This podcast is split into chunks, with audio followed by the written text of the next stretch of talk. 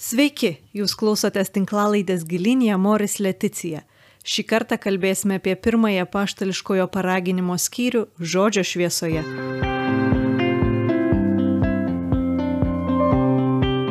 Pirmiausia, primenu, kad šioje tinklalaidėje aptarėme tik mažą dalį Moris Leticija turinio. Norintiems pilnai įsigilinti, raginu skaityti šeimose ar asmeniškai.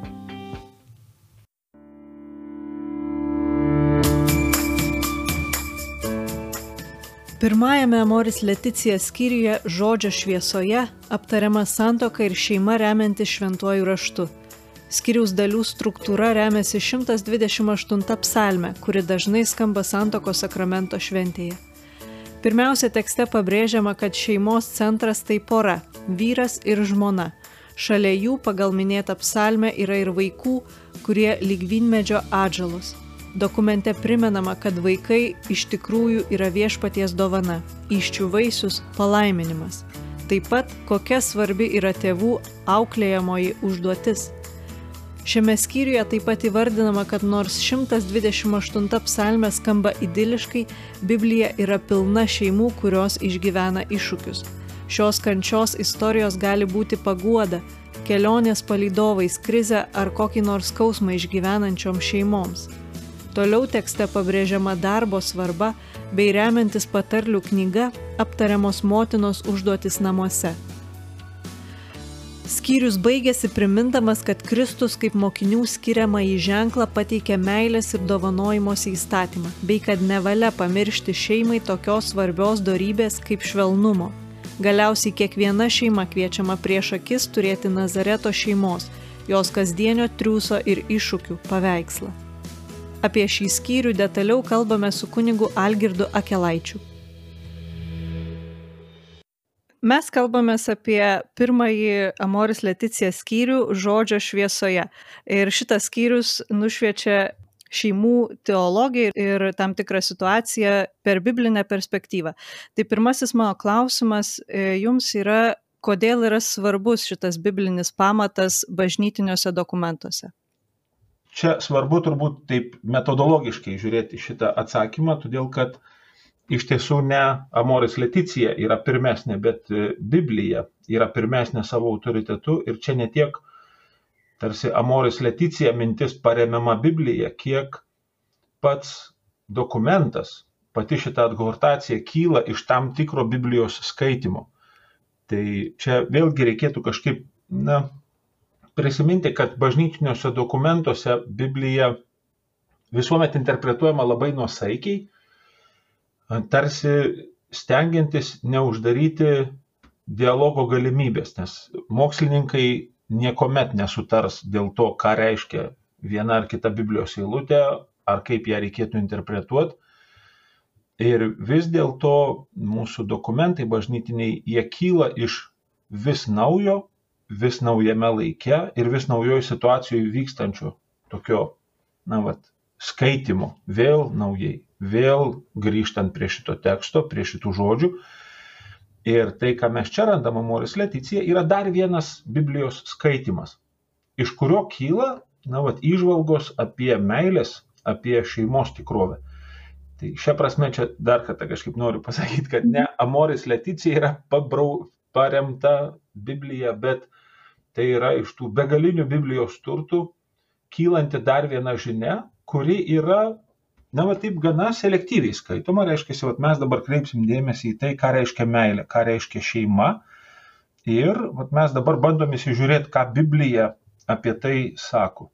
Tai šia prasme, neišvengiamai e, tokios interpretacijos kyla ir čia tik tai ačiū popiežiui ir jo bendradarbiams, kad jie uh, šitų įžvalgų tam tikrą visumą sudėjo į vieną dokumentą, į vieną paraginimą.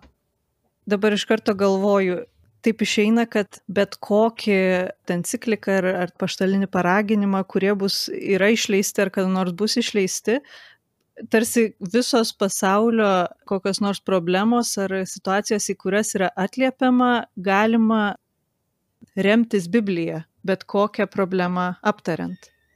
Be jokios abejonės, mes kaip katalikų bažnyčia pripažįstam ypatingą autoritetą, vat, tokį teologinį tradicijai ir Biblijai, kad mes čia tiek bažnyčios tradicijoje, tai reiškia ir tokioje interpretavimo tarsi istorijoje, ir kartu pačiam Dievo žodyje mes randame mm, tą tokį vat, įvykį, tokią patirtį, kurią vadinam apreiškimu.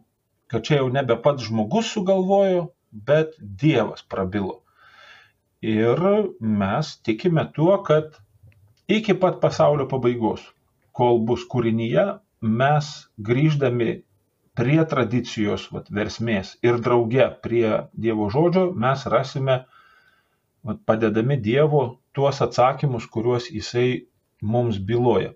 Tai čia tikra tiesa, kad iš tikrųjų Biblija jinai neišsemiama ir, na tai čia yra ir šiaip toksai paprastas apibrėžimas, kad sakoma, kad tuo, tuo ir skiriasi klasikiniai kūriniai nuo neklasikinių, kad klasikiniams kūriniams egzistuoja miriadai interpretavimo na, tokių gyjų ir būdų. Jų interpretavimo kraitis yra neišsemiamas, tik tiek, kad Biblija, jinai ne tik literatūrinė prasme yra klasikinis kūrinys, bet ir ta tokia slėpiningos Dievo patirties prasme, jinai yra, na, bet Dievo pasirinktas būdas kalbėti žmogui, o galiausiai byloti bažnyčiai. Taip. Aš noriu iš karto toliau kalbėti apie turinį. Šitas skyrius prasideda tokia psalmės citata 128 psalmės. Ir visas skyrius paremtas tarsi tą psalmę. Ir pirmas skyrelis vadinasi Tu ir tavo žmona. Ir čia yra tokia citata, noriu pacituoti. Dviejose didingose pradžios knygos pirmosiose skyriuose vaizduojama pamatinė žmonių poros tikrovė dešimtas paragrafas tai prasideda.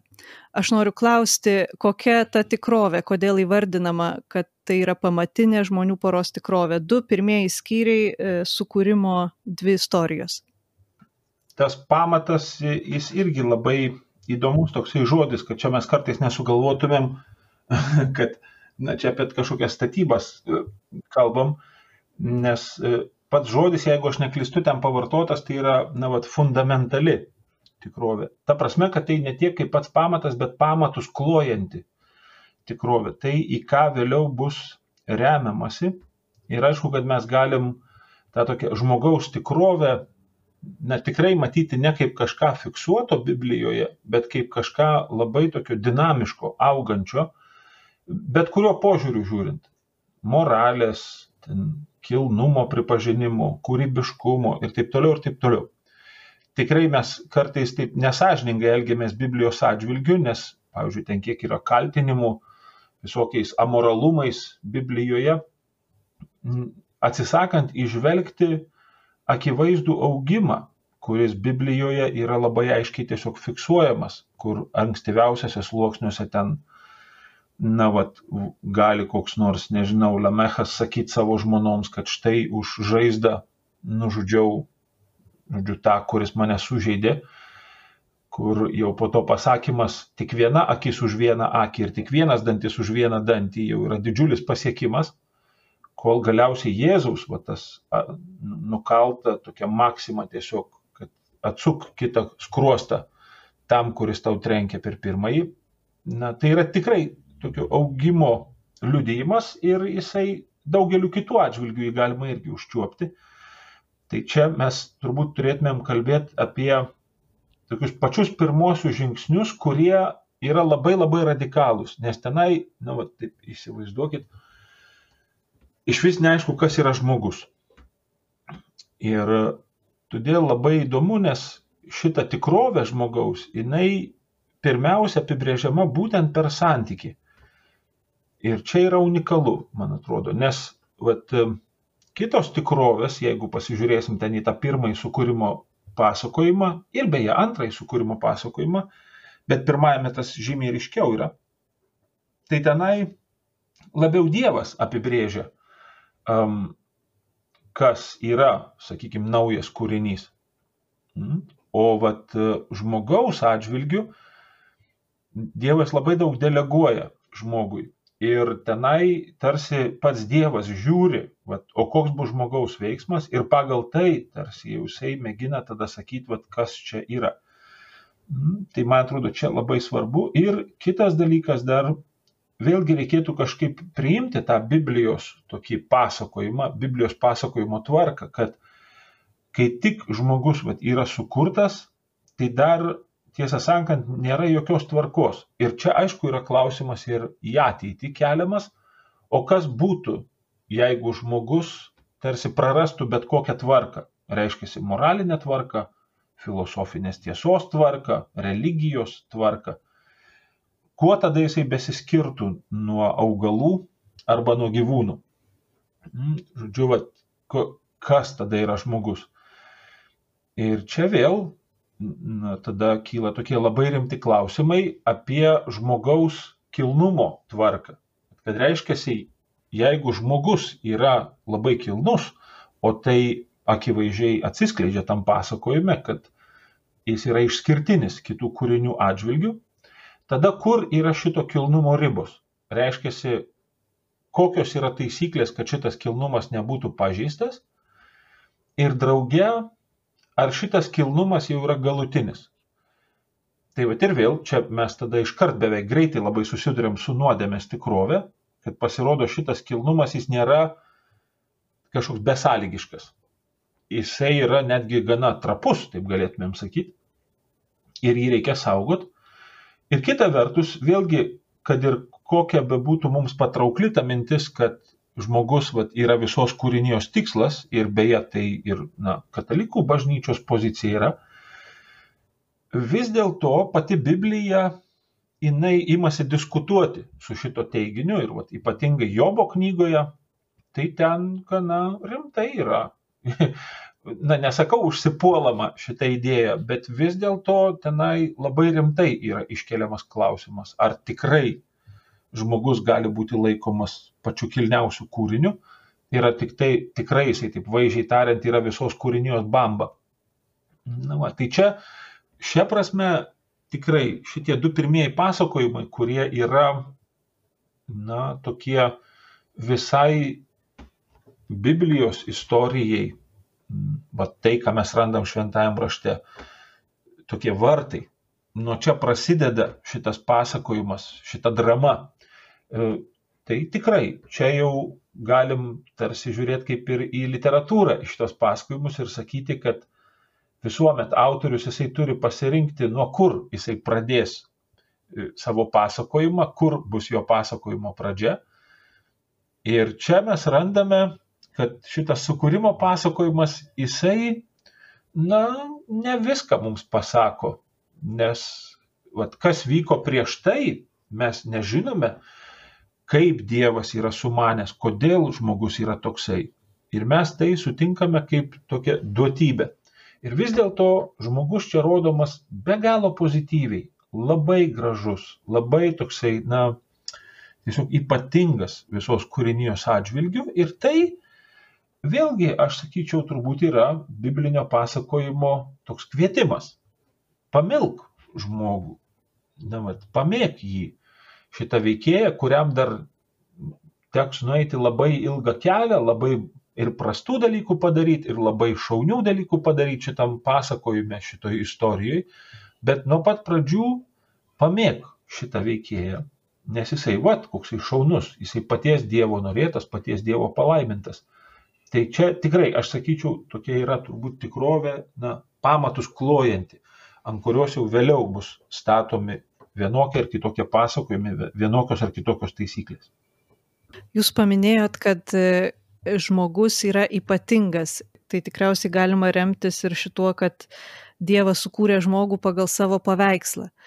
Ir iš karto noriu klausti kito klausimo apie du palyginimus. Tai apie tai, kad vyras ir moteris yra sukurti pagal Dievo paveikslą. Taip pat yra citata Amoris Leticija, kad e, Dievas trejybė yra meilės bendrystė, o šeima jo gyvas atspindys. Šitie du palyginimai, kaip juos paaiškinti? Na, tai ir vėl čia reikėtų prisiminti, kad vis tik tai Amoris Leticija skaitimo būdas yra tam tikra interpretacija teksto. Ir jeigu vis dėlto mes sugrįžtumėm iki pradžios knygos pirmos skyriaus, ten 26-27 eilutės, ten, kur Dievas kuria žmogų, tai mes pamatytumėm e, tokią dviejopą irgi veiksmą. Pirmiausia, tai Dievo planas, kaip jisai planavo kurti žmogų ir čia yra tas labai labai garsus klausimas, į kurį kol kas mes neturime tokio na, galutinio atsakymo, ką tai reiškia. At kaip paaiškinti tai, kad Dievas planuoja žmogų sukurti pagal savo paveikslą ir panašumą, o jau kai sukuria, tai vis dėlto sukuria žmogų tik tai pagal savo paveikslą, pagal savo paveikslą sukuria jį. Tai vad kaip čia yra su tuo panašumu, kuris kažkaip tai bekuriant prapuola.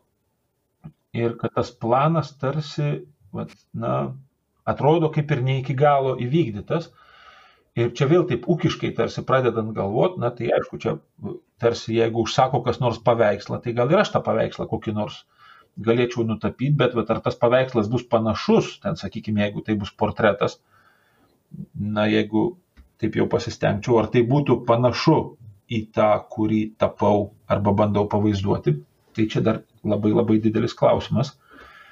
Ir, na, čia tokia šiek tiek glūdi ironija apie tą žmogų, vat, kad paveikslas tai taip, paveikslas tai tikrai, bet ar jis panašus į Dievą. Ir vat, turinys čia, na, vat, vėl kažkaip man atrodo labai net įdomu, kalbant apie šitą klausimą, todėl kad du kart šitą frazę ten pradžios knygoje, pirmosios skyriuose yra pavartojama. Pirmiausia, kai Dievas ruošiasi kurti, tai jisai vat, kuria numato kurti pagal paveikslą ir panašumą, po to jau sukuria pagal paveikslą. Bet įdomu, kad penktam skyriui, kai jau Adam, va šitas Adam kūrė žmogų, jisai jį ir sukuria pagal savo paveikslą ir panašumą. Nu, va, čia jau kai kalbama apie vaikus jo.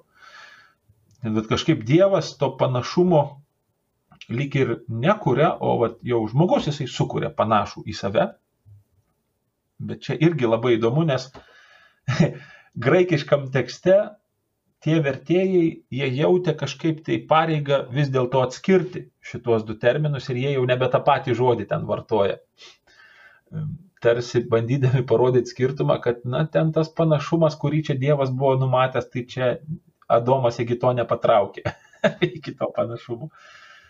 Na va, ir čia tas svarstymas, jisai tebe vyksta iki šiandien, lygiai taip kaip svarstymas apie šito atvaizdo arba paveikslo turinį, ką, ką jisai reiškia, nes šiaip jau Biblijoje su tais atvaizdais tai kariaujama yra, ypatingai su Dievo atvaizdais. Bet čia vartojamas gana retas žodis, e, čia tikrai nėra tas pats žodis, kuris vartojamas dekaloge, kai kalbama tenai apie atvaizdo kūrimą. Mm, žodžiu, žodis čia yra kitas, Ir greičiausiai, kad mes čia turėtumėm suprasti šitą atvaizdą kaip tam tikrą, na, tokį vietininko tarsi pakaitalą. Bet nežinau, kam iš klausytojų yra tekę būti artimuosiuose rytuose, kokioj pavyzdžiui Jordanijoje arba Egipte, tai turbūt jums yra kritę į akis, kiek ten yra vat, karališkosios šeimos narių nuotraukų. Tiesiog ant kiekvieno kampo, pilni miestai. Ir čia, vat, man atrodo, mes artėjam iki šito atvaizdo tokios teologijos, kad reiškia, tas atvaizdas tai yra kaip paties asmens buvimo toje vietoje pakaitalas. Kad jeigu čia yra atvaizdas, tai čia tarsi jau pats tas asmuo yra šičia. Ir vat, šią prasme turbūt ir būtų gal taip artimiausia tiems vat, senovės artimiesiems rytams tokia interpretacija, kad šitas atvaizdas tai tarsi kaip, na, suprast, kaip pasiuntinį, kaip vietininką Dievo. At kad žmogus tai yra toksai privilegijuotas Dievo buvimas tuo laiku, toje vietoje, ten, kur ir žmogus tuo metu yra. Na, va, tai čia, man atrodo, vėlgi mums kažkaip, kurie esam jau pripratę prie tokių atvaizdų, tai pats turbūt artimiausias e, supratimas galėtų būti E, per graikišką žodį, kuris atitinka šitą atvaizdą. Čia graikiškai yra vartojamas toj vietoj žodis eikon, iš kurio kilo na, va, žodis ikona. Ir mes na, kažkaip iš ikonų teologijos tai žinom, kad ta ikona tai yra ne tiek objektas, prieš kurį aš stoviu ten grožėdamasis, tarsi žiūrėdamas kaip į daiktą į ikoną, bet kad ikona jinai yra atvirkščia tikrovė. Ta prasme, kad aš atsistoju akivaizdoje to, kuris vaizduojamas ikonoje ir kad ikona tai yra tarsi langas, per kurį aš esu regimas. Ir todėl vat, ikonose ten atvirkštinė perspektyva naudojama ir taip toliau ir taip toliau. O kaip tas palyginimas apie Dievą trejybę ir meilės bendrystę ir šeimą kaip to gyvą atspindi?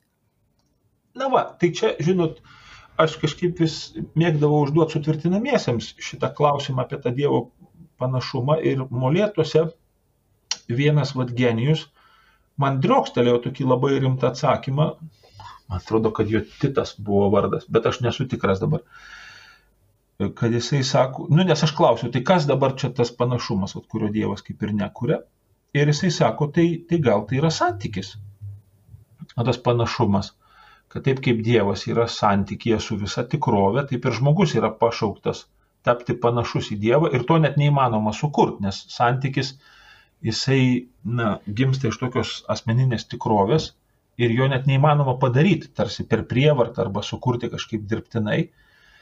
Na va, tai čia mes tikrai galim sakyti, kad žmoguje galiausiai e, jau Kristaus įvykyje mes atpažįstam tą tokį tikrai labai gilų ir gal net, sakyčiau, galutinį kilnumą, kad būtent va ta žmogaus santykių patirtis ir čia šeimos santykis yra turbūt vėl tokia pati aukščiausia šito žmogiško santykio forma, jinai gali netgi tapti švenčiausios trejybės slėpinio provaizdžiu. Nes vat Jėzus vartoja tą šeimos žodyną, mėgindamas išreikšti uh, trejybės gyvenimo, tokio vidinio gyvenimo slėpinius. Dievą vadindamas tėvu, o save vadindamas sunumi, um, na, vat, įrodydamas šventąją dvasę kaip tą meilės ryšį, liepsnuojantį tarp tėvo ir sunaus, kuris yra tiek realus, kad yra irgi asmuo. Um, na, va, tai čia mes atsiriamėm į tokį labai įdomų tarsi reiškinį, kad ne tiek čia subanalinamas Dievas, kad sakoma, na, kad tarsi va Dievas gyvena kaip kažkokia šeimyna, bet kad mes matom, jog šeima ir pats va, žmogaus gebėjimas būti ryšyje, santykėje su kitais, jis yra va, savo kilnumu tinkamas būdas išreikšti Dievo tikrovę, kuri šiaip jau na, mums nelabai prieinama, tiesiog yra nelabai suvokiama. Toliau tekstas kalba, neišvengiamai tikriausiai prieinam prie citatos, kad vyras glausis prie žmonos ir du taps vienu kūnu. Iš pradžios knygos ir, ir Jėzaus paskui cituojama e, Mato Evangelijoje. Esu girdėjus du aiškinimus e, tokius šitos vietos. Tai vienas yra, kad e, tai yra tam tikra vyro ir moters vienybė, kai jie tampa vienu kūnu. Ir kitas, kad tas vienas kūnas tai yra trečias iš jų gimstantis kaip jūs aiškintumėte šitą vietą? Tai iš tikrųjų, tai abi dvi interpretacijos aš irgi su juom esu susidūręs kaip biblistas, tai aš turbūt labiau pritarčiau vis dėlto tai vienybės tokiai interpretacijai. Nežinau, ar čia tekste yra pakankamai ženklų, kurie jau rodytų, jog čia yra kalbama apie na, vat, šitą vat, vieną kūną kaip naują, tarsi jau asmenį. Bet taip, tekstas yra atviras tokia interpretacijai, gramatika leidžia šitą dalyką. Ir vis dėlto man atrodo, kad ta vienybės interpretacija, jinai kur kas yra tokia vaisingesnė. Ta prasme, kad e, jeigu tikrai čia Dievas kažkaip pašaukė žmogų šitą vienybę, tai tada žmogus reiškiasi vėl atsiskleidžia kaip toks unikalus kūrinys, nes visa kita kūrinyje jinai yra na, tarsi pašaukiama į buvimą atskiriant. Bet tas labai ten irgi aiškiai matoma pirmajam sukūrimo paskume, kai Dievas skiria šviesą nuo tamsos, sausumą nuo jūros ir taip toliau ir taip toliau. Ir žmogų jisai lygiai taip pat kūrė skirdamas vat, vyrą ir moterį. Ir vis dėlto po to šitos, kuriuos jisai vat, parodo jų skirtumą, kad yra vyras ir moteris, vis dėlto šitos jisai po to pašaukė į vienybę. Ir čia vat vėl mes grįžtam iki to paties klausimo apie žmogaus gebėjimą santykiui. kad reiškia, žmogus kažkokiu tai būdu tikrai pranoksta dangų, žemę, gyvūnus, medžius, augalus šito gebėjimu iki tiek susivienyti, kad du taptų vienu. Ir vėlgi yra tame ir tokios ironijos, nes čia iš tikrųjų žodis tai yra na, prisilipinti, tarsi jis prilips prie savo žmonos. Ir mes tą labai netikėtai beje randam e, tam palyginime Jėzaus apie tėvą ir du sūnus, kur jaunėlis iškeliavęs į tolimą šalį, ten pradeda stokot ir iš tikrųjų jisai prisilipina prie vieno žmogaus tam krašte, nu, va, stodamas pas jį tarnauti. Ir čia vėl taip ironizuoja turbūt evangelistas Lukas, rodydamas, kad jis tapo tiek priklausomas nuo to žmogaus, greičiausiai kita tikiu, kad, na, vos ne kaip žmona nuo vyro. Žodžiu, kad tai jau toks jau visiškas, na, visiškai žmogus tarsi turėjo palikti tai, kas jam savita, tai, kas yra jo, ir atsiduoti į kito žmogaus malonę, nu, va, tapdamas visiškai tarsi nuo jo, nežinau, priklausomas, visiškai susaistyti save su tuo žmogum. Tai man atrodo, čia irgi tas toks uh, prilipimo uh, klausimas, bet čia vėl aš šiandien dėja nesu pasiruošęs uh, kažkaip plačiau mm, pagliau, pagliaudyti šitą terminą, nors jisai labai įdomus, aš esu girdėjęs, kad tokia kartais dinamika yra daroma, rodant, žodžiu, na, vat, kas yra vyras ir moteris, tai suklyjuojant tiesiog du popieriaus lapus vieną prie kito ir tada mėginant juos vat, atskirti, kad jie neišvengiamai tada plyšta. Nu, vat, atplėždami tai nuo vieno, tai nuo kito ir vat, tikrai, na, tokiu būdu mėginant paaiškinti santokos vienumo vat, slėpinį, vat, kodėl santoka yra viena, kodėl neįmanoma tos santokos tarsi dauginti arba jos kartoti. Tai čia labai, na, vat, įdomu yra. Ir vėl, aš tik tai dar čia priminsiu, kažkaip čia turbūt ne mano reikalas yra tai kartuoti, bet e, siūlyčiau tikrai prisiminti popiežiaus Pranciškaus kalbą jaunimui, kai jisai buvo Lietuvoje, jis ten irgi kalbėjo apie šitą vienybės, prarandant save, žodžiu, vat, tai pasiteldamas tokį upių santakos įvaizdį, kad vat, ta vienybė jinai yra susijusi su tam tikru savęs paukojimo veiksmu kitam. Ir čia vėlgi, aš nežinau, aš celibatininkas esu, tai aš apie šeimos dinamikas ten tikrai nieko nepasakysiu, kaip tai vyksta. Nu, čia jau turbūt nebe mano sritis yra, nors aš įsivaizduoju, kad šeimoje, ko gero, tai yra neišvengiama. Bažnyčioj, na, vat, kai, sakykime, kunigas save susiję vienybės ryšių su bažnyčia, tai neišvengiamai šitos tokios savo ambicijos paukojimo, tarsi savo kartais net ir poreikių, tokio pastatymo į, į bendrą tokį bažnyčios paveikslą. Tai ta tikrovė nuolat lydi kuniga ir, na, ten tie apsisprendimai, naip tol ne visuomet būna tokie lengvi, e, kai ten tą savirealizaciją arba tokį, na, individualumą tenka tarsi, na, irgi šlifuoti, kažkaip žiūrėti, ko Dievas nori, Tai aš įsivaizduoju, kad šeimoje turbūt, na čia tu Jėva turbūt galėtum pasakyti labiau. Galėčiau pasakyti, kad tikrai reikia paukot. Labai tinkamą žodį panaudojot savirealizaciją, kažkokias e, ambicijas. Kasdienoj net tikriausiai yra daug dalykų, kuriuos reikia aukoti. Jeigu einam toliau per tekstą, tai po skyriaus tu ir tavo žmona yra e, nedidelis skyrius apie vaikus ir aš norėčiau truputį startelti ir pasikalbėti apie vaikus šventajam rašte. E, žinau, kad ir nepaslaptis, kad senoviai vaikai iš tiesų buvo nu, tokie kažkam priklausantis, bet, bet teisiai tokie subjektai. Ir nepaisant to, kaip suprantu, šventas raštas e, vis dėlto vaikus vertina kaip šeimos pilnatvės ir palaiminimo ženklą. Ar aš neklystu? Na, bet teisės tai nežinau, čia tokia jau labai moderni tokia savoka.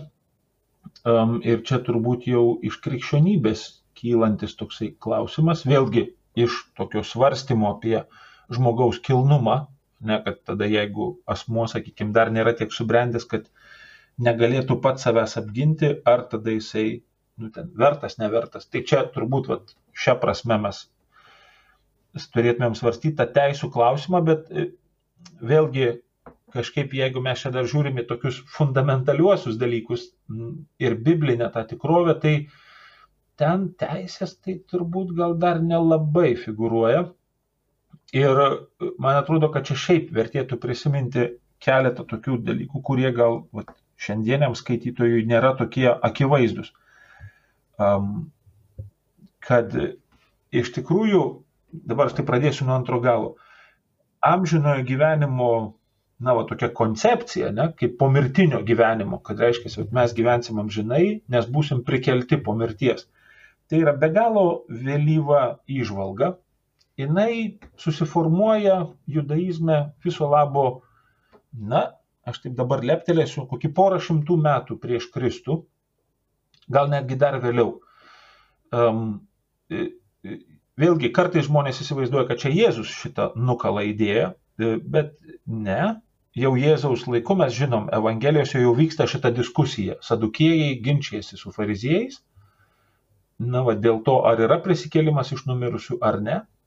Tai Jėzus čia imasi fariziejų pozicijos, žodžiu, jisai pritarė fariziejams, kad taip yra amžinasis gyvenimas ir jis yra per prisikėlimą. Bet tai yra be galo vėlyvas dalykas, žiūrint į mat, Senąjį testamentą. O ankstyvieji tokie mėginimai suprasti, bet, o kas būna po mirties, atsakymas buvo labai įdomus, kad amžinasis gyvenimas tai yra gyvenimas per savo vaikus. Žodžiu, visi ten matė, kad tie vaikai gimsta panašus į tėvus. Ir supratimas buvo toksai, kad reiškia, tėvai gyvena per vaikus. Ir čia vėlgi tada labai lengva suprast, kodėl, pavyzdžiui, poligamija, ne, kodėl nu, vat, galima žmogui turėti daug žmonų. Nes jeigu tu turi vieną žmoną, tai ten vienaip tavo amžinasis gyvenimas užtikrintas, o jeigu tu turi kelias žmonas ir galėsi išlaikyti, tai tada tavo gyvenimas amžinasis yra žymiai tarsi saugesnis. Aš čia taip trupučiuką šaržuoju, bet e, bandau na, pasakyti, kad vaikai buvo suprantami kaip toks turtas, kad pavyzdžiui mes Biblijoje nerasim praktiškai nei vienos užuominos apie kontracepciją. Nu, vat, gal keletas ten viso labo tokių atvejų, kur žmonės atsisakė mylėtis. Vat, na, arba ten ėmėsi įvairių priemonių, kad besimylint kaip nors tenai vat, moteriškė nepastotų. Bet tai yra viso labo pavieniai atvejai ir jiems iškart yra Biblijoje dedamas labai aiškus veto kad tai yra visiškai nesuderinama su tuo, kas na, va, būtų Dievo valia. Na, va, ir čia vėlgi mes galim matyti tam tikrą intuiciją nuo pasaulio, kur gal net ir nebuvo įmanoma užčiuopti na, va, tų katastrofiškų pasiekmių, va, kas gautųsi, sakykime, atskyrus šitą visiško savęs atidavimo, ne, va, besimylint su kitu šitą veiksmą atskiriant nuo atvirumo gyvybei, ką mes va dabar patiriame jau tokioj, sakyčiau, po kontracepciniai tikroviai, kad iš tikrųjų, na, tos bangos visiškai atrodytų kartais net nesusijusios. Tai va ir homoseksualumo klausimas, ir mat, pornografijos dalykai, ir taip toliau, ir taip toliau. Žodžiu, vis dėlto, ko gero, kad šaknis čia visų šitų reiškinių glūdi kontracepcijoje. Ir, na va, tai Biblija, jinai gali būti, kad labai tiesiog intuityviai, bet draugė mes čia tikrai turim matyti ir tam tikrą išvalgą į Dievo valią, va, į tokią kūrimo tvarką, kad vis dėlto vaikai tai yra mūsų na, vat, pats gyvenimas, bet gyvenimas žymiai gilesnė prasme negu vien tik tai gyvenimas iki mirties. Na, va, tai todėl e, vaikų svarbu yra net, nu, čia niekas net nesimtų ginčyti vaikų svarbos, o jo labiau nu, joks beprotis nesimtų vengti vaikų, nes tai būtų tas pats, kas, na, maždaug na, atsisakyti e, amžinojo gyvenimo. Ir drauge, kita vertus, labai aiškiai yra suprantamas vat, ugdymo, na, tarsi, nežinau, toks prioritetas, svarba. Žodžiu, kad vaikas vis dėlto yra ugdytinas. Ir ugdytinas daugeliu atžvilgių. Vat, pavyzdžiui, pati ankstyviausia liturgija, kurią mes randame Biblijoje aprašyta, vat, išėjimo įvykio liturgija. Tai reiškia būdas padėti išgyventi išėjimo įvykį tiems, kurie jau patys nedalyvavo tam įvykėje, nes priklauso kitai kartai, gyvena vėliau. Jinai iš tikrųjų nukreipta į vaikus. Ir vaikai ten yra vieni iš pagrindinių dalyvių toje liturgijoje. Jie turi užduoti tą rimtąjį klausimą, kodėl mes čia susirinkom, ką tai reiškia. Tai aš čia taip vis juokdamas įsakau, kad na, mes, kadangi mūsų kiekvienos mišios yra tam tikra prasme kartojimas išėjimo įvykių, tai bent jau sekmadienio liturgija irgi galėtų prasidėti ir mūsų parapijose nuo paties jauniausio dalyvio mišių, vat, pagal liturgiją užduodamo klausimo, o ką mes čia veikim. Kad kažkaip pamėgintume atsakyti, ką čia mes, ko mes čia susirinkom. Tai šią prasme tikrai to biblinio ugdymo vat, ir tokio tikrai kartais desperatiško, tiesiog užsispyrėliško siekio perduoti tai, ką mes patyrėm, tai, ką mes suvokėm, perduoti tai kartai, kurie ateina po mūsų ir kurie akivaizdžiai jau skirsis nuo mūsų. Tai čia šita drama irgi labai ryški Biblijoje, tai čia vėlgi matome tokį labai didelį rūpestingumą biblinio žmogaus, tuo, kuris ateina po jo gyventi. Ir Amoris Leticija taip pat skiria porą eilučių aptarti tėvų ir vaikų santykiui. Ir aš noriu užduoti tokį klausimą, palyginti, tiksliau gal, kaip papildo švento rašto eilutės viena kitą. Tai yra tas ketvirtasis Dievo įsakymas gerbk savo tėvą ir motiną. Ir tada Jėzaus pasakyti žodžiai Luko Evangelijui, kai pas jį ateina Marija ir jisai jos pakviestas atsako mano motina ir mano broliai, tai tie, kurie klausosi Dievo žodžio ir jį vykdo.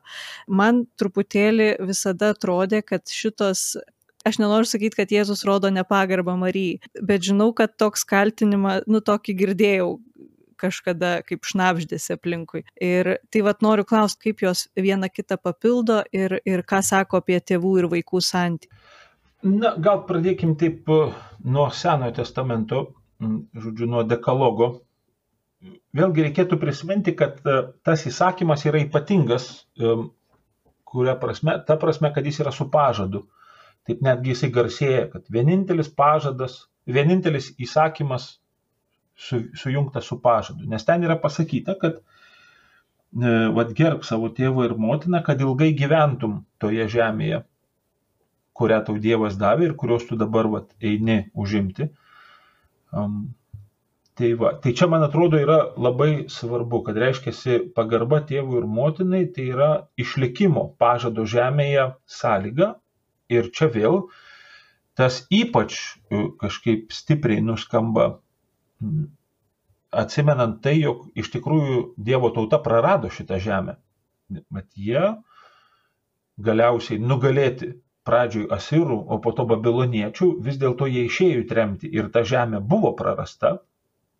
Tai be jokios abejonės mes na, negalim tarsi panaikinti tokios galimybės, kad net ir dekalogo tekstas buvo peržiūrėtas tremties akivaizdoje, tremties metu.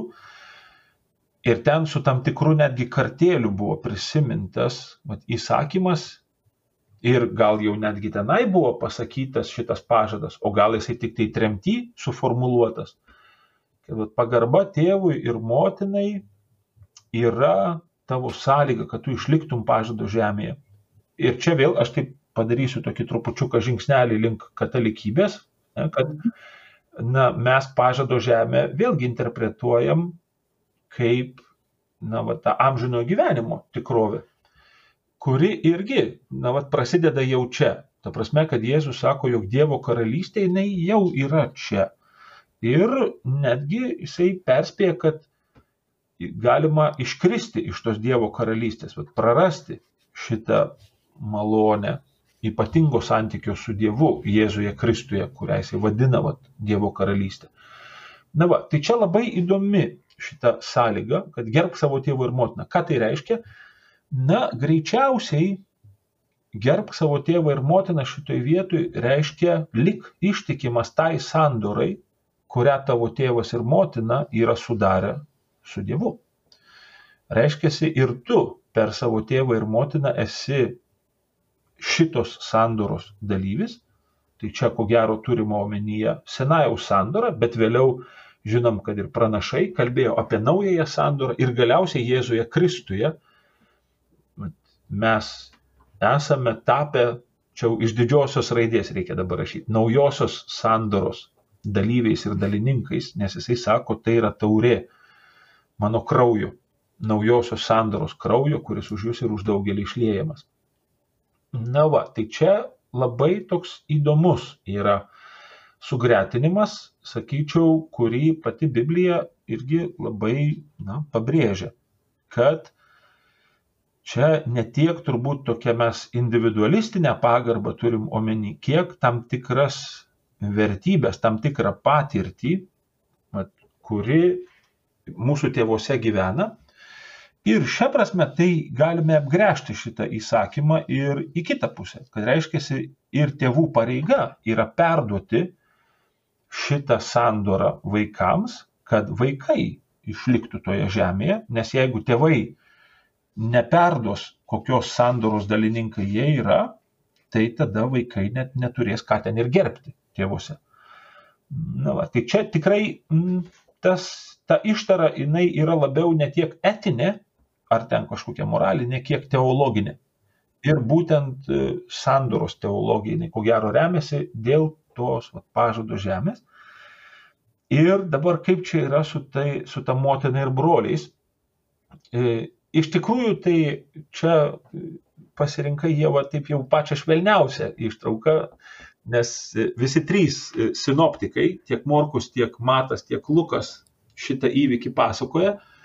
Ir Morkus, jau seniai garsėjantis tarp evangelistų kaip labiausiai toks antimarijinis evangelistas, kuris taip jau na, gana negatyviai žiūri į Mariją, E, matas tokioj, sakykime, tarpiniai pozicijoje ir tada jau Lukas, kuris yra didis Marijos mylėtojas, e, tai jie gana skirtingai iš tikrųjų interpretuoja šitą vat, įvykį ir Morkaus Evangelijoje tikrai gaunasi taip, kad ne Marija yra mano šeima, bet jūs, kurie va čia susirinkę esate mano šeima. O Lukas sako, kad būtent Marija ir yra ta, kuri vykdo tėvo valią, žodžiu. Jeigu norit būti mano mokiniai, būkite kaip Marija, maždaug va taip. Ir vėlgi aš kažkaip nenorėčiau čia sakyti, kad va čia vienas teisus, o kitas neteisus. Čia vis tik tai mes artinamės prie tokio labai rabiniško būdo ieškoti tiesos, kur kiekvienam leidžiama kalbėti ir priimama, kad vis tiek, na tai Dievas kalba. Va šitoj tokioj diskusijoje. Ir tikrai, na, va tai, ką mes randame Evangelijose, mes nebegalim išvengti Marijos tikrovės. Mat, kai mes prabylam apie šeimos slėpinį, apie tėvystės ir motinystės slėpinį, mes negalim išvengti nei Švento Juozapo, nei mergelės Marijos temos. E, bet čia dar reikėtų nueiti toliau Todėl, kad iš tikrųjų tai, ką mes randame Evangelijose, tai galim sakyti, jog Jėzus perbraižo šeimos ribas. Mm, ta prasme, kad e, jisai bažnyčią kūrė kaip šeimą. Ir va, tai, ką jis kalba va, apie Dievą, vartodamas tą šeimos žodyną, jisai taip pat šeimos žodyną pradeda vartoti, kalbėdamas apie tą mokinių bendryją, kurią jisai steigia, apie bažnyčią, ekleziją. Sakydamas, kad vat, jūs esat broliai ir seserys ir jūs turit vienintelį tėvą danguje. Na va, tai čia, man atrodo, irgi, čia mes šiandien neišnagrinėsim to dalyko, bet aš kaip biblistas labai norėčiau raginti vat, klausytojus vis dėlto apsvarstyti ir šitą kryptį, kad šeima yra krikščionybėje ekleziologinė tikrovė. Kad šeimos klausimo be bažnyčios klausimo mes net negalime svarstyti ir, na, va, šiandien vėlgi daug diskusijų, vėl mėginama tarsi iš naujo braižyti tas šeimos ribas, tada kas gali būti laikoma šeima, ką mes privalome gal kaip valstybė ginti kaip šeimos ryšį, ką mes kaip piliečiai įsipareigojame gerbti kaip šeimos ryšį. Na va, tai čia ir vėl šitie klausimai krikščionybėje jie neatsiejami nuo bažnyčios ir bažnyčioje, va čia iš apaštalo Pauliaus raštijos, kyla labai rimta išvalga, kad va, kiekviena santoka tai yra slėpiningas provaizdis vaisingo bažnyčios ir Kristaus ryšio, kuriame bažnyčia yra sužadėtinė, o Kristus yra sužadėtinis. Ir kad šitam vaisingam ryšy, kuris iš tikrųjų atspindi trejybės gelminį ryšį, gimsta nauja gyvybė, nauja krikštis. Hm? Žodžiu, tai čia, man atrodo, na, tokia labai svarbi tema ir labai svarbi kryptis, kad mes kartais nepradėtumėm taip tarsi na, atsietai svarstyti vat, bažnyčios lėpinio ir šeimos lėpinio. E, Evangelijose e, šitie du yra nebeatskiriamai susijęjami ir labiausiai beje tai paveikia moters tikrovę, todėl kad moteris tose senose kultūrose jinai būdavo tokia, na, namų galva, žodžiu, reiškia, jinai būdavo namų, tokia tarsi šeimininkė, um, ant jos tarsi kaip ant stulpo laikydavosi visas namų stogas, Ir vis dėlto šita moters tokia tarsi atsakomybė, jinai buvo įkapsuliuota bendroji tvarkoj, kurią nustatinėjo dažniausiai vyrai. O vat Jėzus teikdamas bažnyčią kaip šeimyną ir bažnyčią, kuri pasiekia visų tautų žmonės, jisai rodo, kad iš tikrųjų žmonija yra pašaukta tapti šeima. Ir va čia tas moters motiniškumas, jisai ypatingu būdu kažkaip atsiskleidžia bažnyčios tikrovėje. Ir čia mes atrandam tokių labai įdomių dalykų. Labai, pavyzdžiui, įdomu, antropologai sako, kad, sakykime, malda už mirusiuosius iš tikrųjų greičiausiai yra moters kūrinys, nu, nes tai yra vat, motiniškumo, na, tokia tarsi raiška, kad reiškia rūpintis žmogum netgi tuo met, kai jisai jau mirė. Vat, reiškia lydėti jį savo globa ir savo na, tarsi laiminimu, netgi tuomet, kai jo jau nebėra su mumis. Ir čia irgi tokių labai po to įdomių, ten rab, rabiniškoje literatūroje yra ten tokių visokių įdomybių, kaip ten būdavo bandoma uždrausti moteriams lankyti tuos kapus, ten aptveriami tie kapai, o, o moteriškės ten mėtydavo per tas tvoras, žodžiu, visokius ten žvakės, visokius ten dalykus, žodžiu, ant tų kapų, vis tiek mėgindamos, na, rūpintis tais, kurie yra iškeliavę. Tai čia, man atrodo, vėl ir Lietuvos bažnyčiai, pavyzdžiui, tai, kad mes kažkaip ypatingai akcentuojam tą maldą už mirusiuosius, na, vėl man tai rodo tokį Lietuvos bažnyčios moteriškumą. Žodžiu, nors vėl gal tai jau irgi šiek tiek iškrypia, žodžiu, nežinau. Bet čia įdomios tokios temos labai apie vat, bažnyčią kaip šeimą ir tą vat, Kristaus atskleistą šeimos ekleziologinė tokia vat, dimencija, tai čia labai įdomu ir verta į tai gilintis. Aš tada dar noriu pasigilinti trumpai.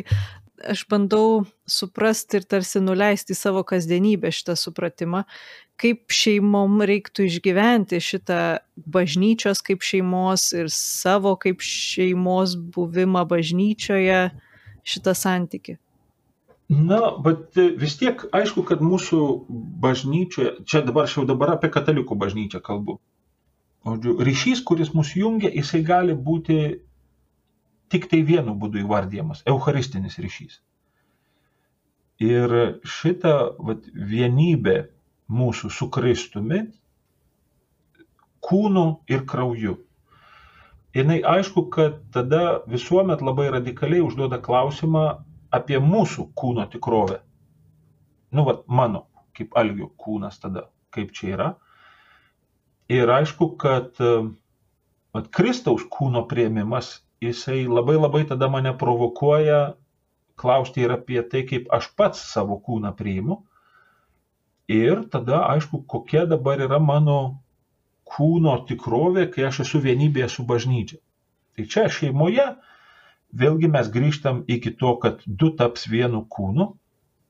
Ir tai, kas yra va, tas neliečiamas slėpinys, ne, tas santokos alkierius, kuriame va, ir atsiskleidžia, kas yra ta Euharistija, kad tai vis dėlto yra besąlygiškas savęs dovanojimas, ne kažko savo reikalaujant, bet, na, va, tarsi siekiant įsipareigoti, kaip aš dar galiu tave mylėti ir kaip aš tau dar galiu save padovanoti.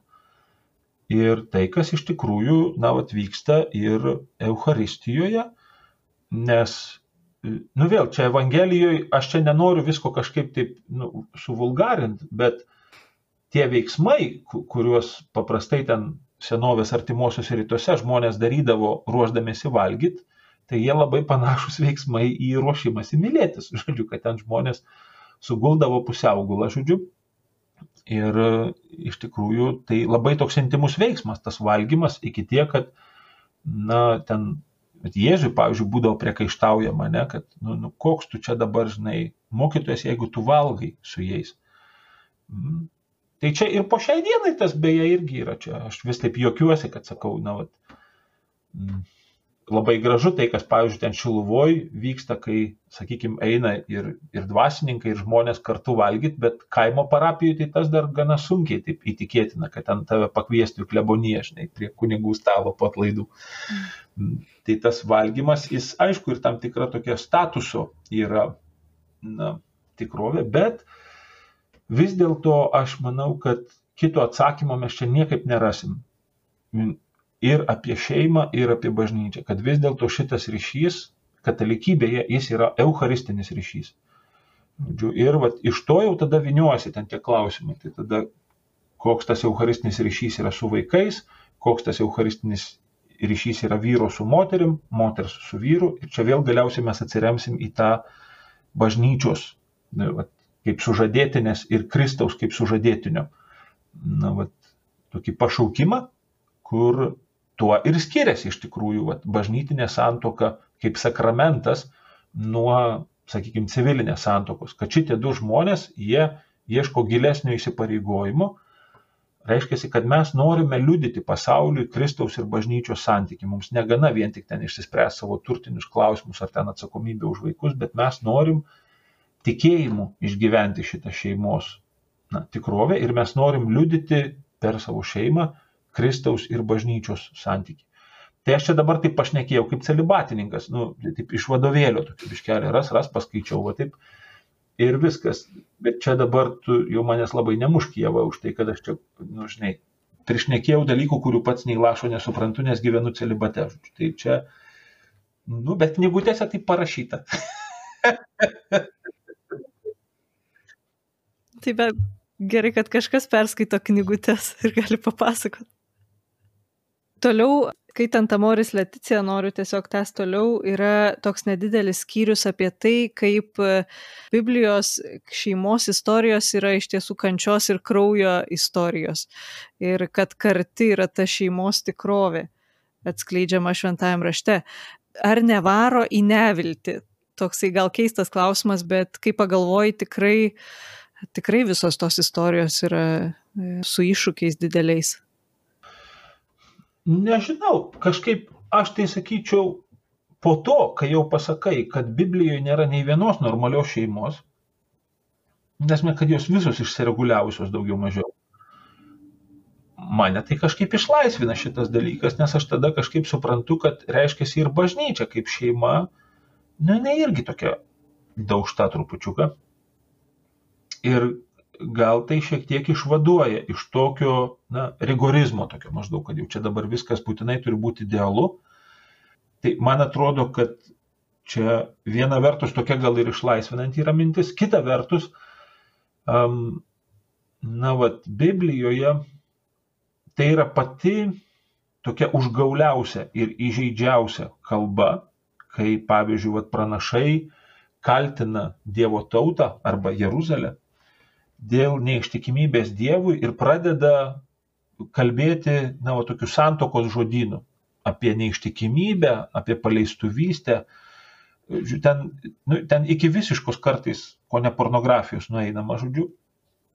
Ir aišku, kad tai yra na, patys skaudžiausi žodžiai, e, remiantis va, į tą šeimos tikrovę, todėl kad vis dėlto šeima, turbūt vis tiek šeimos pamatas yra toks apsisprendimas ištikimybei, reiškia, kad, na, aš net nežinodamas, kas manęs laukia ateityje, vis tiek aš kažkaip ryštosi, na, išbūti su tavimi. Ir aš čia kalbu ne vien tik apie sutuktinius, bet, pavyzdžiui, nežinau, apie tėvų ten tikrovę, ne su vaikais, kad, nu, aš tavęs kaip nors pasistengsiu neišvežti mišką, žinai. Ir lygiai taip pat vat, tėvų santykė su vaikais, kad, nu, netgi, nu, aš čia dabar vėl, aš čia kaip celibatninkas pasakysiu, bet vis tiek turbūt tai kažkaip telpa, ne, kad netgi jeigu tu ateisi kažkaip netikėtai ir kai aš būsiu nepasiruošęs ar nepasiruošus, nu, aš pasistengsiu tavęs nenužudyti, žodžiu. Na, va, tai iš tikrųjų šitie dalykai, jie pradeda skambėti labai baisiai. Žodžiu, kai tik pasiemė tą šeimos žudyną, Ir tai Biblijoje anaip tol nėra kažkokia tuščia beletristika. Todėl, kad Senajame testamente tai remiasi labai tokia aiškia nuostata, kad Dievas, jeigu jis yra viso ko kuriejas, tai reiškia, jis yra viso ko tėvas. Ir reiškia, kad kiekvienas kūrinys jisai yra kilnus. Jau vien dėl to, kas jį sukūrė, kas yra jo, tas galutinis gimdytojas. Ir šią prasme mes vis tiek vienaip ar kitaip esame visi Dievo sūnus ir dukros. Ir galiausiai, aišku, Kristuje na, tas supratimas, jisai iš viso pasiekia na, jau absoliučią ten aukštumą, kad reiškia, už tave yra išlietas Kristaus kraujas.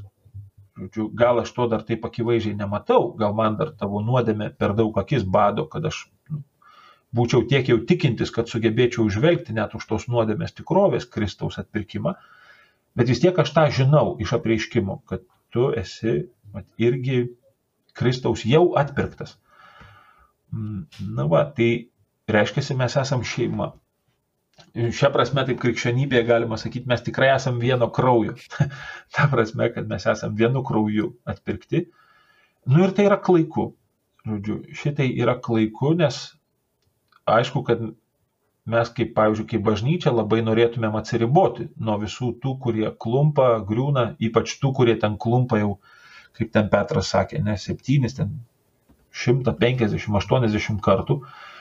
Ir na, tada aišku, kad patogiau yra atsiriboti nuo tokių ir sakyti, kad jau jie čia nebepatraukia iki bažnyčios. Bet kai kažkaip pagalvoji, kad na, tuose Lietuvos kalėjimuose ten sėdi vis dėlto irgi keturi iš penkių pakrikštytųjų, kad tie patys ten, sakykime, Lietuvoje dėl homoseksualų teisų kovojantis kartais ne visai ten tokiais moraliais metodais, irgi keturi iš penkių yra pakrikštytų. Ir kad galiausiai tie, kurie, matyt, bažnyčioje ten netinkamai elgesi, tai jau ten gal net iš vis penki iš penkių yra pakrikštyti. Na, va, ir tada tikrai matosi, kad, na, va, ta šeimos tikrovė, ypač dėl va, tų dviejų tokių pamatinių įsipareigojimo ir ištikimybės dėl šitų dviejų pamatinių apsisprendimų, be kurių nėra šeimos, na, čia jau darosi labai sudėtinga kažkam kažką pamokslauti ir kažkam aiškinti, kaip turi būti. Nes tada labai aišku, kad visa tai turi kaip ir va, kokios mišios prasidėti vis tik tai nuo tokio labai paprasto, kad aš prisipažįstu, kad tai aš nusidėjau. Tai čia man kažkaip labai byloja šitam kontekste apie tokį vieną rabiną yra tai pasakyta, kad jis kiekvieną rytą prieidavo prie lango, pasižiūrėdavo pro langą ir sakydavo, nu žinai, mesijas dar netėjo. Ir būtent aš dėl to kaltas, kad jis dar netėjo. Darbą šeimoje e, noriu remtis toliau vis dėlto Moris Leticija. Ar nėra pasenę šitie stereotipai, e, kurie yra prašyti, e, kad duona sunkiai uždirbama arba motinos vaidmuo namuose yra irgi aprašytas Amoris Leticijai?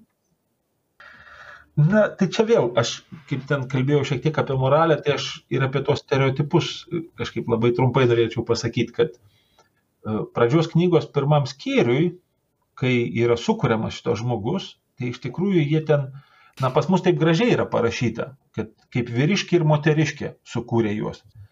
Žodžiai, kurie ten vartojami, juos galima versti labai paprastai. Sukūrė juos kaip patiną ir patelę.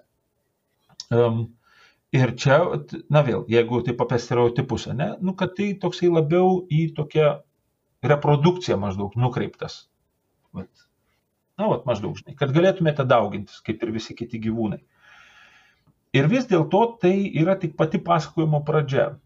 Ir jau po to, sakykime, kokioj Rūtos knygoj arba patarlių knygoj, mes jau atrandam tokį labai įdomų, mm, labai retą pasakymą beje Biblijoje, hebrajiškai Eshet Hail. Tai čia tokia labai įdomu, tokia graikiškai jie verčia vyriška moteris arba tokia, na, vat, galinga moteris. Ir tenai, vat, patarlių knygos 31 skyriui ištisa poema apie moterį, kuri yra jau įgudusi, jinai netgi galim taip galvoti, kad jinai tam tikrą karjerą daro, jinai sugeba dalykus, jau jos tokia, na, tokius interesus rytis labai labai toli siekia. Ir vis dėlto mes čia dar ją matom tikrai, vat, kaip tam tikrą tokį šeimų, šeimos na, vat, žmogų, kurios ta įtakos sfera ir baigėsi draugė su šeimos ribom. Bet čia vėlgi, čia dar vėl nėra pabaiga. Ir galiausiai, bet čia aš taip tokiais didžiuliais dabar žingsniais einu, kol galiausiai mes prieinam iki apreiškimo knygos 21 skyrius, kur jau sutinkam, vat vėl, ne, sužadėtinę. Avinėlio sužadėtinę kuri jau yra irgi tokia teologinė tikrovė, ten greičiausiai bažnyčios vat, provaizdis, kuri irgi matoma kaip tokia vaisinga moteris, kuri gali gimdyti. Na, vat, ir šitą, čia tokie archetipai gaunasi, nu, vat, mes kažkaip apie tai linkę galvoti kaip apie tam tikrą tokį primetimą, ne, kad, na, vat, manipuliuodami Bibliją, tada sakysim moteriškiai, žinai, kad, nu, žinai, moteriškiai, žinok savo vietą, va, žiūrėk, apie tave čia parašyta. Bet man atrodo, kad kaip tik čia priešingai yra, nes Biblija, jinai labai dažnai yra nukreipta į mūsų vaizduotę, jinai skatina mus kažkaip mąstyti, įsivaizduoti, e, kurti. Ir dėl to, va šitie tokie labai atviri įvaizdžiai, jie galiausiai, pavyzdžiui, ten nežinau, leidžia popiežiui kalbėti apie Europą kaip apie moterį. Ir vėlgi tai neišvengiamai keičia ir mūsų požiūrį šiaip į moterį, ne kaip į simbolį, bet kaip į konkretybę. Tai va ir čia aš kažkaip sakyčiau, kad šitie stereotipai, jie gal įmanomi tik tuomet, kai yra neskaitoma Biblija. Tada taip, tada jeigu žmogus nepažįsta Biblijos, jam galima vat, vieną parodyti ištrauką, kitą ištrauką ir tai ištraukus iš konteksto arba ištraukus iš tos tokios dinamikos atrodys, na nežinau, arba baisiai, arba kažkaip kaip tik labai nu, gražiai. Bet šiaip jau moters tikrovė Biblijoje yra na, nuostabi ir sudėtinga. Todėl aš kažkaip labai nesiryščiau iš vis kalbėti apie kažkokius tai stereotipus Biblijoje, labiau gal sakyčiau, tai va, naudojantis tuo, kad žmonės neskaito Biblijos ir na, nesugeba tinkamai tarsi atsakyti į tokius teiginius, tada jais yra manipuliuojama, ištraukiant vieną ar kitą ištrauką iš konteksto. O jeigu dar kalbam apie darbą, tai e, yra tokia citata, kurią žinau dabar pasaulyje žmonės gyvena, kad dirbk mėgstamą darbą ir tau niekada nereiks dirbti. Ar neprieštarauja šitą su tuo maitinsia savo triūso vaisiais arba sunkiai uždirbama duona? Švento rašto eilutėm? Nu, čia gal iš tikrųjų ne visai biblistui klausimas, čia jau gal socialinio bažnyčios mokymo žmonės galėtų ką nors turbūt rimčiau šiek tiek atsakyti apie pačią darbo tikrovę ir iš viso kiek jinai svarbi bendradarbiaujant su Dievu. Nu, kad tarsi viena vertus ir Dievas kuria žmogų, bet ir žmogus. Jisai pats save kuria darbu, kurį daro. Bet, na, aš taip kaip biblistas iš savo varpinės, tai tokį trigrašį galėčiau kyštel šiek tiek, kad, vat, pavyzdžiui, tokia tikrai išskirtinė vieta, tai pradžios knygos antram skyriui, kai Dievas, va tik ką sukurtą žmogų, jisai jį iš karto deda į Edeną, į tą sodą. Na, va, kam? O tam, kad jisai Ir ten du veiksmažodžiai pasakyti. Viena vertus toks veiksmažodis, kuris verčiamas kitose vietose vergauti arba tarnauti ir kitas sergėti. Tai čia labai įdomu. Ir vad ką? Ką tarnauti ir ką sergėti? Dirva. Dirvai, vad tarnauti ir šitą dirvą sergėti. Labai įdomu, nes čia dar jokių priešų nėra. Žodžiu, nuo ko ją sergėti Ir kita vertus, negi ta dirba kažkoks ten yra šeimininkas, kad jai reikėtų ten tarnauti. Nes dar nepamirškim, čia dar jokios nuodėmės nėra ir joks ten santykis su ta dirba nėra sulūžęs. Žodžiu, labai toks įdomus sakinys ir čia, vėlgi, čia tokie interpretacijos turbūt dalykai, bet e, man gal labiausiai patinka toks žvilgsnis į šitą žodį, ypač tą tarnauti, kad tai yra na, žodis, kurį mes tarptautiniai kalboje galėtumėm sakyti kultivuoti. Kultivuoti tai reiškia, kad na, vat, įdėti tam tikrą darbą, kuris po to duos pasiekmes reiškia, kad aš kažką duodu tai dirbai, tam, kad po to ta dirba duotų man. Ir čia man tas žodis kultivuoti ypač patinka dėl to, kad tiek po to kultūra, tiek galiausiai kultas, bet visi jie yra šitos, šito paties veiksmo tokie tarsi na, aspektai, tokie atspindžiai kitokie. Ir va čia, kaip su tuo darbu pradedam kalbėti, ką mes čia matom, kad jeigu čia tikrai yra apie darbą kalbama, tai reiškia, kad tai yra Dievo duotybė. Dievas šitą duoda, o ne žmogus susigalvoja. Ir tada reiškia, kad tai kažkaip labai labai giliai susijęs su buvimu žmogum jeigu aš esu žmogus, reiškia, darbas kažkaip labai labai giliai yra susijęs su tuo, kad aš esu žmogus, o ne koks nors ten, nežinau, gyvulys arba augalas. Ir vėlgi, čia prisimenant didįjį ironijos meistrą Koheletą, jisai, kuris, na, metė tokį prasmės iššūkį visai tikroviai, sakydamas, na taip, gal modernė kalba tartumėm, kad viskas yra absurdas reiškia, kad mes tikimės, jog tikrovė yra dėsninga ir kad jeigu tu vat, elgsies gerai, tai tu susilauksi gerų pasiekmių, o jeigu elgsies blogai, tai susilauksi blogų pasiekmių. Jisai meta iššūkį šitam sakydamas, ne, tikrovė yra absurdiška, ta prasme, kad mes niekuomet nežinom veiksmą padarę, kokiu pasiekmių sulauksim ir jos kartais būna visiškai nenuseklios ir nedėsningos, tarsi, kad pasiekmės yra kurčios priežastims. Jisai apie darbą yra pasakęs, kad tai yra blogis. Darbas yra blogis. Dėl ko? Nes ir jis yra pažymėtas absurdo ženklu. Tu dirbi, tu įsivaizduoji, kad rezultatas bus toksai, viską darai teisingai, o rezultatas yra kitoks negu tu tikėjai. Arba dar geriau, kad tu dirbi, tu triusi visą savo gyvenimą, manydamas, kad tai, ką tu uždirbai, tai, ką tu tarsi įgyjai, bus tavo vaikams ir tu gyvensi ilgą gerą amžių, o tu miršti jaunas, o tai, kad tu uždirbai, atitenka kvailiui. Žodžiu, reiškia, tam, kuris Dievą iš vis yra atmetęs žmogui.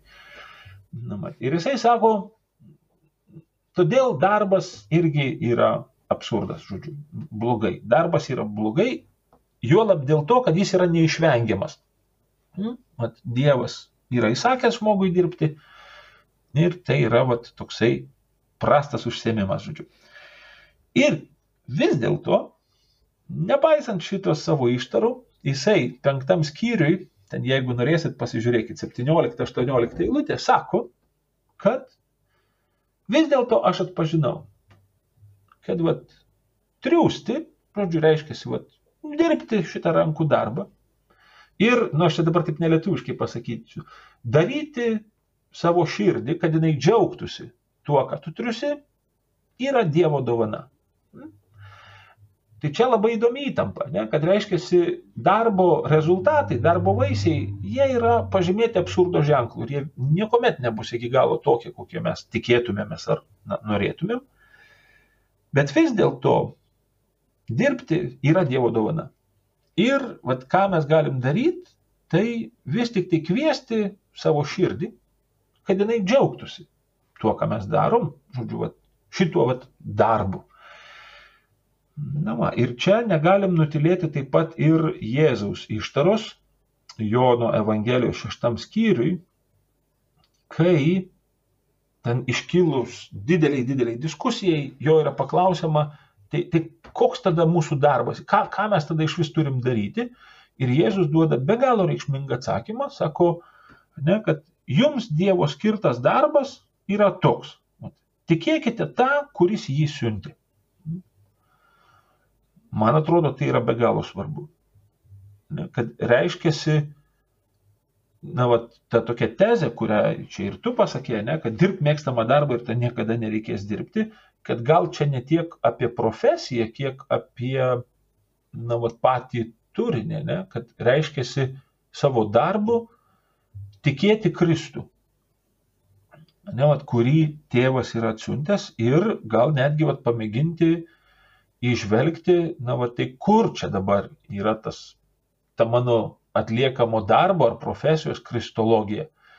Na, aš atsimenu, aš kai mokiausi architektūros, šitą klausimą labai labai kažkada svarščiau apie architektūros teologiškumą ir anaip tol ten ne apie kažkokį tai bažnyčių projektavimą, bet apie tam tikrą, na, va, architekto gebėjimą na, išvelgti kūrinijos tvarką. Ir, na, kad tai yra vis tik žmogaus tokia veikla, bet vis dėlto, kur ta riba, kur žmogus jau taip kaip, na, užkariautojas su architektūra eina į savo aplinką, o kuris iš tikrųjų tai aplinkai padeda, Nu, panaudodamas tas dovanas, kurias jam Dievas yra suteikęs. Tai čia aš nežinau, čia gal aišku, jūs vėl sakysite, ne, kad čia, nu, tai čia žinau architektūrą, ho, ho, ho, apie architektūrą.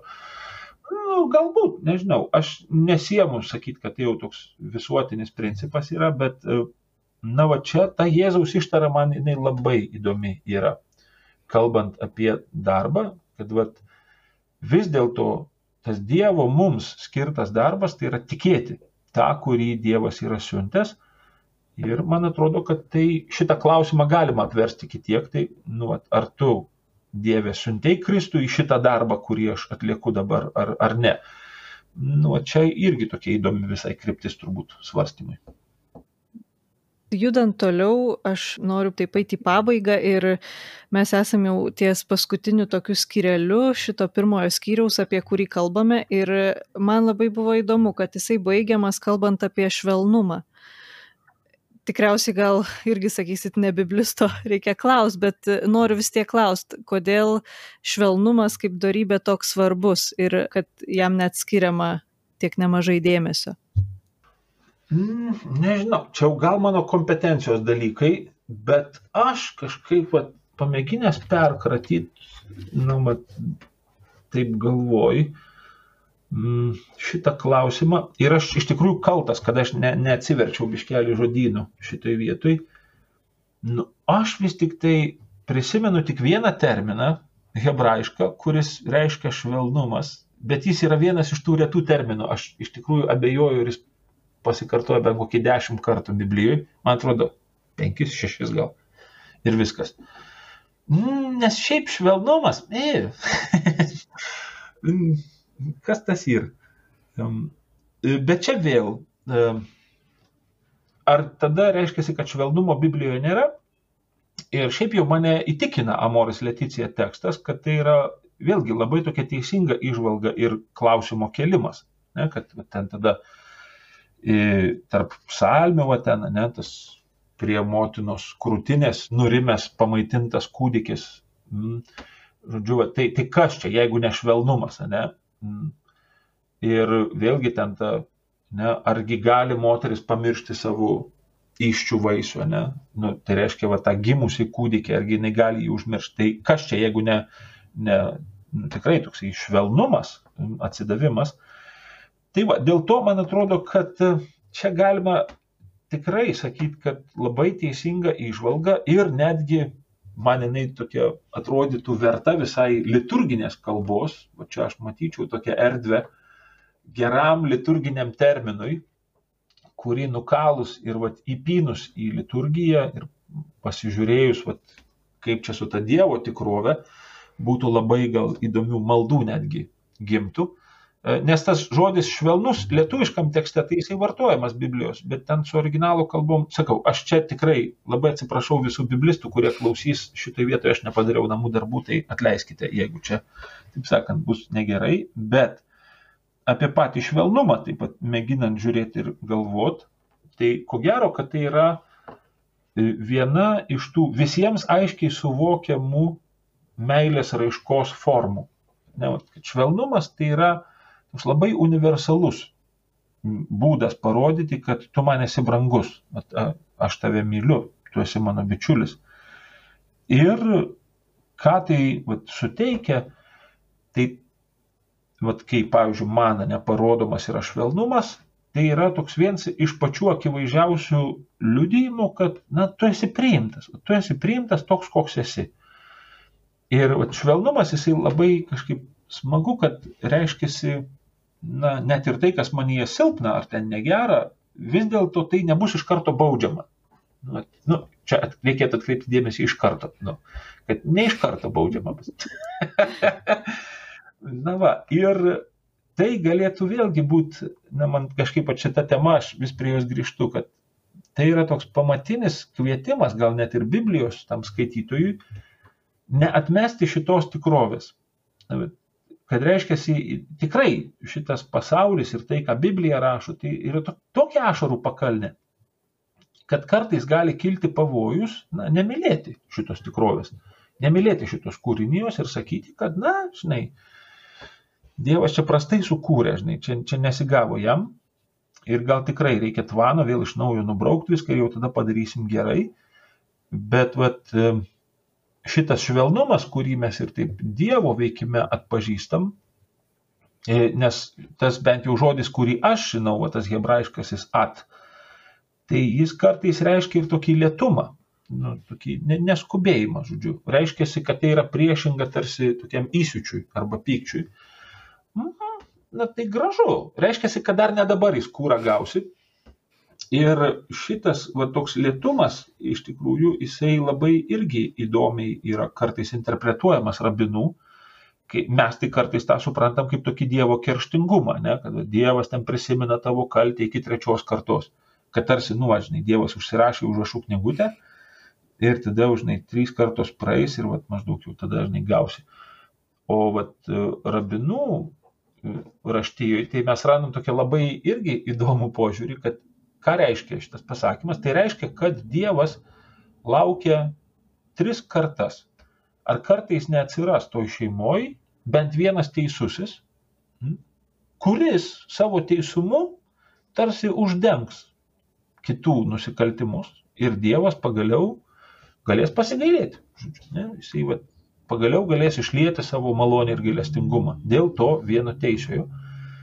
Na, va, tai čia irgi taip, viena vertus labai taip, o, kaip čia gražu, o kita vertus, tai tada pradedi žiūrėti tą savo giminės medį, kas ten prieš tris kartas nuo manęs gyveno ir kad gal tai, kad aš esu šiandien tikintis, gal čia, žinai, paskutinis šansas mano giminiai, žinai. Nu, va. Tai čia, nežinau, aš matau čia ir daug tokių pavojų, aišku, čia tokių lygų su tais giminės medžio gydimais ir taip toliau. Tai čia daug tokių, taip sakant, na, nukrypimų katalikybei net ir šiuo metu vyksta, bet va, tas Dievo švelnumas, kaip toksai gebėjimas neskubėti ir kuris mums labai dažnai tampa tokiu kantrybės išbandymu. Kad na, vat, mes kaip ir norėtumėm, kad Dievas tos nusidėlius, žinai, nubaustų, kad vis tik kirstų jisai, žinai, vieną kartą žaibu ir ten ištaškytų bent vieną, kad kitiems pamoka būtų. O vis dėlto po to jau kai patys prisidirbam, nu tada jau kažkaip labai norisi, kad Dievas nepaskubėtų ir vis tik tai paėjėtų su manim, tą dar vieną mylę, dar ten vienus metus, dar leistų man kažkaip tam savo užsikėtinime ar kažkokiam apsileidime pabūt ir kad iš tikrųjų po to, na, tarsi susigražintų mane švelniai, taip sakant, per daug ten į kailį neduodamas. Nu, tai čia vėlgi aš kažkaip taip bažnytiškai noriu į šitą žiūrėti problemą, kad tai, ką mes savo tarsi labai taip lengvai prisitaikom ir džiaugiamės, iš tikrųjų, kai Dievas mus pakviečia bendradarbiauti tuose nuostabiuose dalykuose, vis dėlto tai tampa tokiu mums tikėjimo ir kantrybės išmėginimu. Ir visai pabaigai tada Jau šiek tiek e, užsiminėt irgi bekalbant apie tai, kad e, motinos žvelgia į mergelę Mariją, o tėčiai neišvengiamai žvelgia į šventą Juozapą, bet e, dar kartą noriu paklausti, ko šeimos gali mokytis iš šventos šeimos. Ui, vaikeli, nu čia rimtas klausimas, žinai.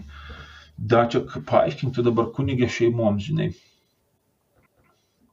Aš nežinau, gal aš vis tik tai išsisuksiu nuo šito klausimo, ta prasme, kad viena vertus, e, aš kažkaip pirmiausia tai siūlyčiau neatriboti jau čia taip, nes aš, pavyzdžiui, neįsivaizduoju tokio brandaus vyro, kuris neturėtų kai kurių mergelės Marijos bruožų. Arba, pavyzdžiui, normalios moteriškės, kuri vėlgi nebūtų panašiai į Juozapą. Mm, aš kažkaip nemanau, kad tai jau įmanoma čia taip atribuoti, kad, nu, žinai, dabar visi vyrai lauk, mes dabar apie mergelę Mariją kalbėsim, žinai. Ir man, pavyzdžiui, labai gražu, kaip ten, sakykime, koks paima vyras vienuolis ir ten pasirenka Marijos vardą, žinai, savo vienuolišką. Mm, man labai kažkaip smagu, aš labai suprantu šitokį elgesį. Ir turbūt, kad tas toks brandus vyriškumas, jisai turi savį, nu, tokio moteriškumo gero. Ir kartu aišku, kad ir tas moteriškumas, nu, jisai tikrai turi savy tokios labai rimtos jėgos. Vat man sako, man patinka tas toks pasakymas patarlių knygai, kad vyriška moteris, žinai.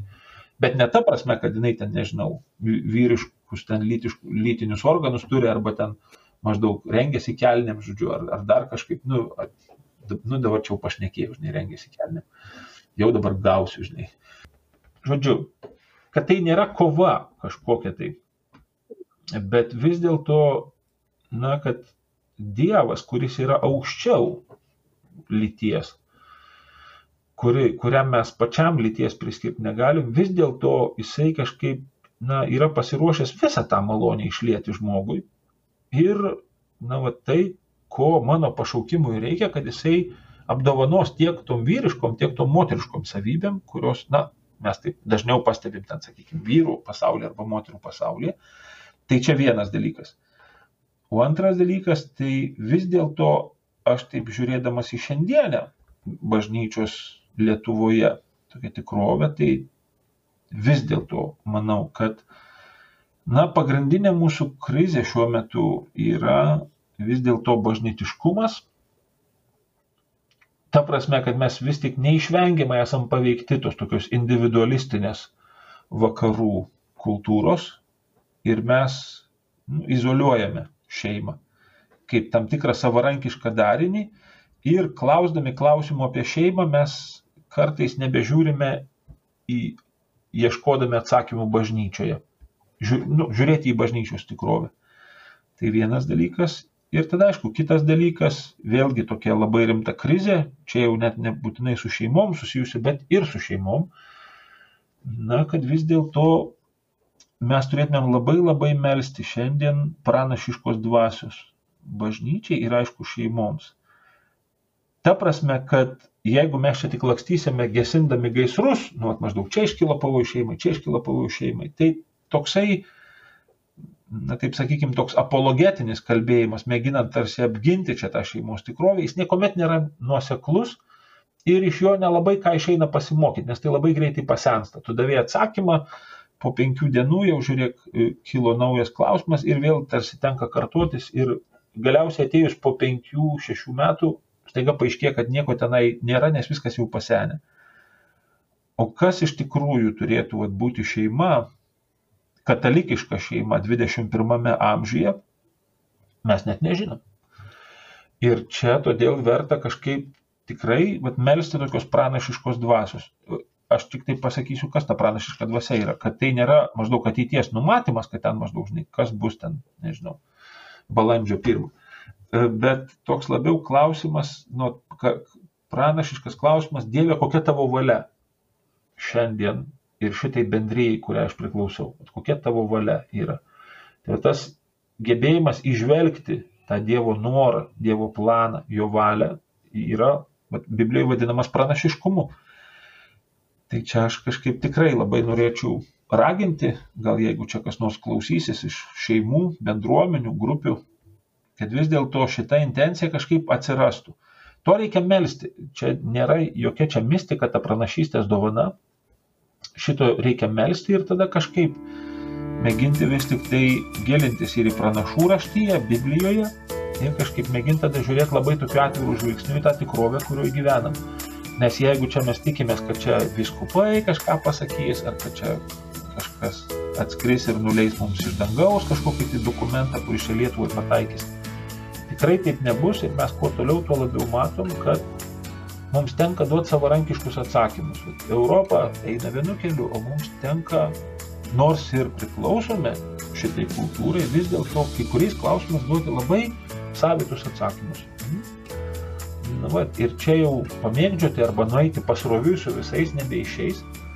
Ir čia, kad kartais neišslystumėm va, ir iš savo katalikybės, aš manau, kad čia mums vienas iš tokių atsakymų būtent yra ta pranašiškoji dvasia. Jūs klausėtės tinklalaidės Gilin į Amoris Leticiją. Kita kartą kartu su socialinės antropologijos mokslų daktaru Sauliumi Matulevičiumi kalbėsime apie antrąjį Amoris Leticija skyrių - šeimos tikrovė ir iššūkiai. Garbė Jėzui Kristui.